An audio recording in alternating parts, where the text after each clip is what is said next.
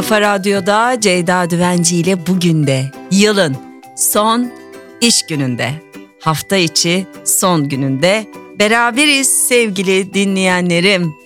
Bir yılı daha birlikte ardımızda bırakıyoruz. Üç yıl mı oldu? Ne oldu birlikte Kafa Radyo'daki bu yolculuğumuz bilmiyorum ama bu rutini sevdiğimi itiraf etmeliyim.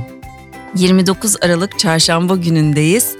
Ve böyle şeyi görüyorum biliyor musunuz? Hayat izin verir de ben yaşamaya devam edersem böyle hani yaş almışım, iyice yetmişlerimdeyim ve hala Kafa Radyo için evde programlar yapıyorum. Çenem daha da düşmüş ama öyle düşünün beni.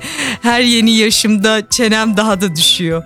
Ya da bilmiyorum yani her yaşanmışlıkta, her yeni öğrendiğim bilgide, her biten günün ardından bir kelimem daha oluyor diye düşünüyorum açıkçası. Ne bileyim güzel bir duygusu var. Sizin tarafınızdan nasıl bilmiyorum ama benim için çok eğlenceli. Anlatabilecek bir kelimem daha olması, her şeye rağmen gülümseyebiliyor olmak, yaşam sevincimizi kaybetmiyor olmamız. Ben bunları çok kıymetli buluyorum. Evet, listeler yapılmaya başlandı mı? 2024 ile ilgili heyecanlar nasıl? Her şey yolunda mı? Ee, çok büyük hediyeler alabileceğimiz bir yılbaşı gibi görünmemekle birlikte aslında bu bizi şeye zorluyor. En azından beni. Az parayla değeri, kıymeti, düşünülmüşlüğü yoğun hediyeleri bulabilmek. Dönüyorum dolaşıyorum işte güzel bir mektup kağıdı, güzel bir kalemle yazılmış anlamlı mektuplar. Hani mesele bende dönüyor dolaşıyor oraya geliyor açıkçası. Sizde ne oluyor merak ediyorum. 2024 yılı için kitaplarımı söyleyecektim size. Bu sene neler okumayı düşünüyorum.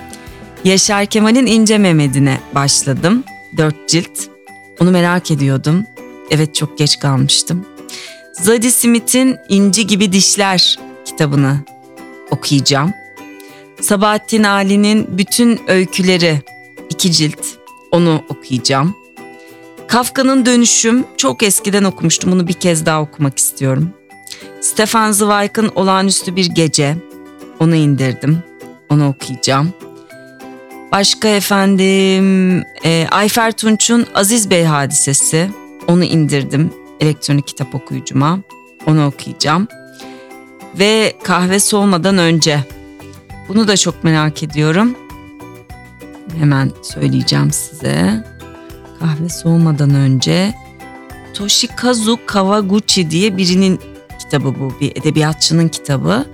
Çok merak ediyorum çünkü çok karşıma çıkıyor. Neden bilmiyorum. Sizde de böyle şeyler olur mu? Bazı kitaplar durup durup karşınıza çıkar mı? Benim çıkıyor. O zaman da böyle oluyorum. Aa evet okumam lazım artık bu kitabı. Yani bu fazla önüme geldi diye.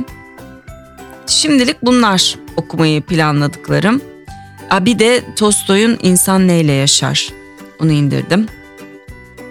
Onu da merak ediyorum. Şimdi elektronik okuyucumu kapadım. Duydunuz sesleri.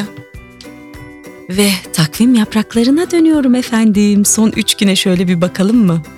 Mevlana diyor ki sual de bilgiden doğar, cevap da. Yani bildikçe aslında hem cevap verebilirsiniz hem de yeni sorularınız olur.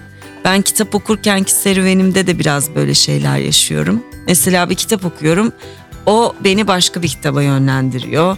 O başka bir kitaba yönlendiriyor. O bir şiir kitabına yönlendiriyor falan böyle böyle böyle bir serüven başlıyor benim için. O yüzden Mevlana'nın bu sözü çok önemli. Bugün günler 27 saniye uzadı efendim. Bu arada sosyal medyada gördüm bu yıl yılbaşı rengi yeşilmiş haberiniz olsun. Hani kırmızı kırmızı kırmızı biliriz ya. Yeşilmiş efendim. Hani eğer böyle ritüelleriniz varsa yeşil üzerinden gitmenizi tavsiye ederim. Ülkü takviminde öncü kadınlarda Duygu Asena var. Aa Duygu Asena'nın Kadının Adı Yok kitabı mesela. Okumadıysanız 2024'te mutlak okunması gereken kitaplardan biri. Onu da böylelikle anmış olalım. Feminizmin ülkemizde bilinir olmasına sebep olan kişi aslında gazeteci Duygu Asena. Kadın hakları alanında gerçekten farkındalık yaratmak amacıyla çok farklı yollardan gitmiş e, ve çok kıymetli eserler, yazılar bırakmış ardında ve kadın hakları dendiğinde gerçekten Duygu Asena herkesten her şeyden önce gelir. Unutmamak, unutturmamak gereken isimlerden biridir efendim. 1983 yılında Türk parasını koruma kanunu değişiyor ve döviz bulundurmak suç, suç olmaktan çıkıyor. Alımı satımı serbest bırakılıyor.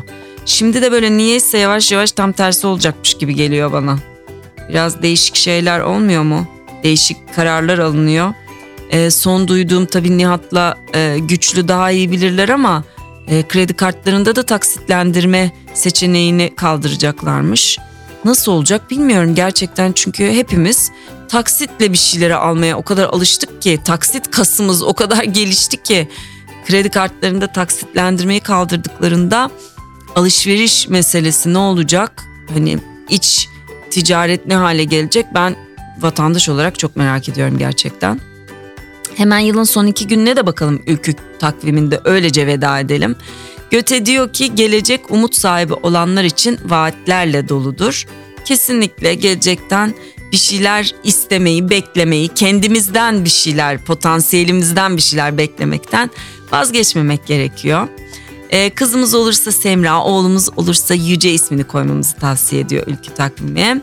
Ve tabii ki 31 Aralık pazar gününe geldiğimizde büyük şeyleri yalnız büyük milletler yapar e, sözüyle Atatürk'ün sözüyle bitiriyor ülkü takvimi. E, ve efendim hemen bakıyoruz başka neler var. 24 Mayıs 1924'te e, Haydarpaşa Eskişehir Konya ve Yenice Mersin demiryolları ile Haydarpaşa Limanı Demiryolları İdaresi'ne verilmiş. Bu var.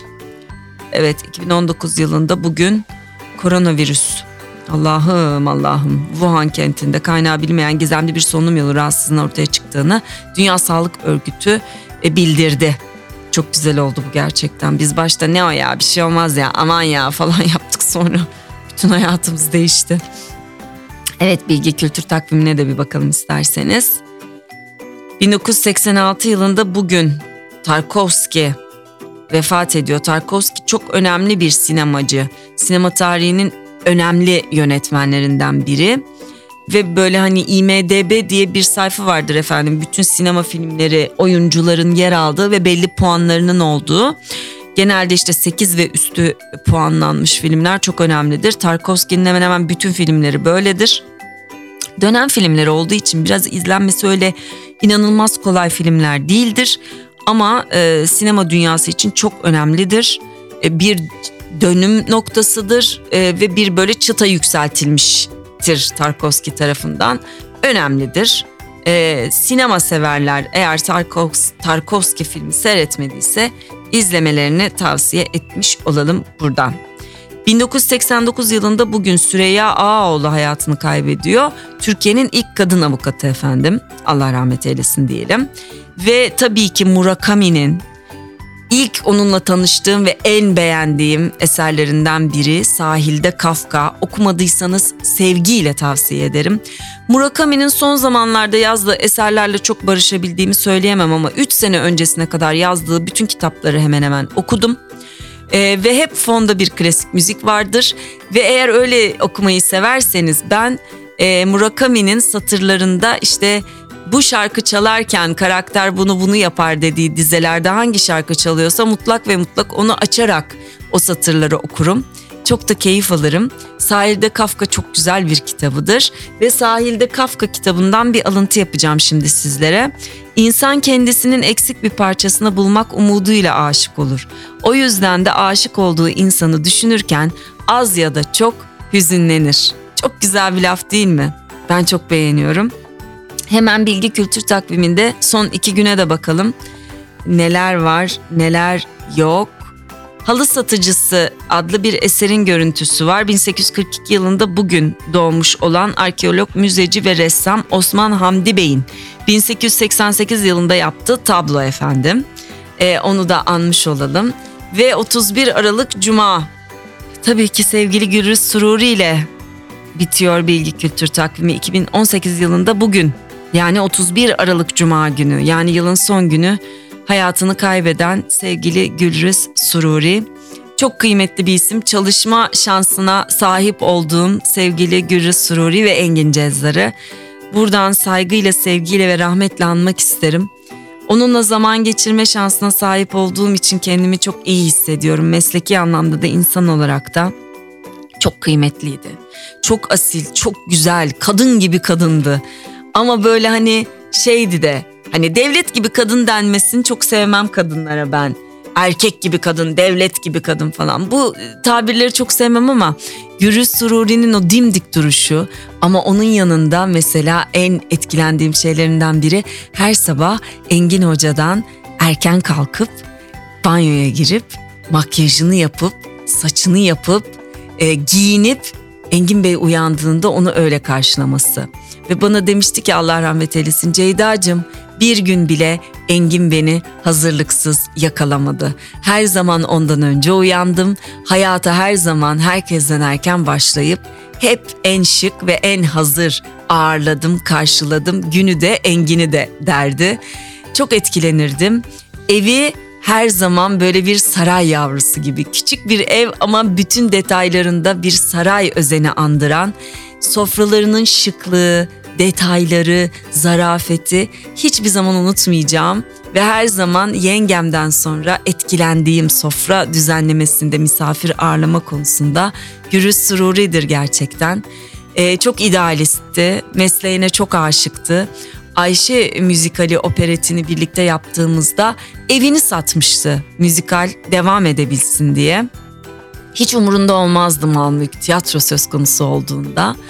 Çok kıymetli, çok özel biri. Ee, ben böyle kötücül bir karakter oynamıştım. Oynayamamıştım. İşin ilginci itiraf etmek gerekirse. Çok gençtim. İlk kez müzikal yapıyordum tiyatro sahnesinde. Çok böyle gergin dakikalarımız olmuştu. Hatta son kitabında buna yer vermişti. Çok ağlamıştım. Kötü karakter oynayamamıştım, çıkartamamıştım yani. Ve kitabında da yazar bu. Şimdi oynayabiliyorsam bunun sebebi Gürüz Sururi'dir. Yani e, şimdi e, Sakla Beni dizisinde Filiz karakterindeki o kötücül tarafı ortaya çıkarabildiysem e, ya da daha önce oynadığım işlerde hayatın kötüleştirdiği karakterleri oynayabiliyorsam bu tamamen sevgili Gülür Sururi ile yaşadığım o dakikalar müzikal sırasında yaşadıklarımız ve bana söyledikleridir aslına bakarsanız. Kıymetli. Ay nerelere gittim ya. Evet. Güzel bir yıl olsun. Pazartesi günü 2024 yılının ilk günü. Birlikte olacağız. Güzel bir yıl olsun. NTV ekranlarında pazar gecesi sevgili Sinan Canan'la birlikte çok güzel bir yılbaşı gecesi programı çektik. Çok kıymetli konuklarımız var. Ee, NTV ekranlarını böyle açık bırakıp yılbaşına girmenizi tavsiye ederim. Çünkü gerçekten bütün duygularımıza sahip çıktığımız, kah ağladığımız, kah, kah güldüğümüz, kah teşekkür ettiğimiz, kah yakındığımız ve bolca sevgi dilediğimiz bir yılbaşı kutlamasıydı. Galiba hepimizin içinde olan şeyleri barındırıyor. 2024'ün ilk gününde Kafa Radyo'da Ceyda Düvenci ile bugün de görüşmek üzere. Kendinize çok iyi bakın. Hoşçakalın.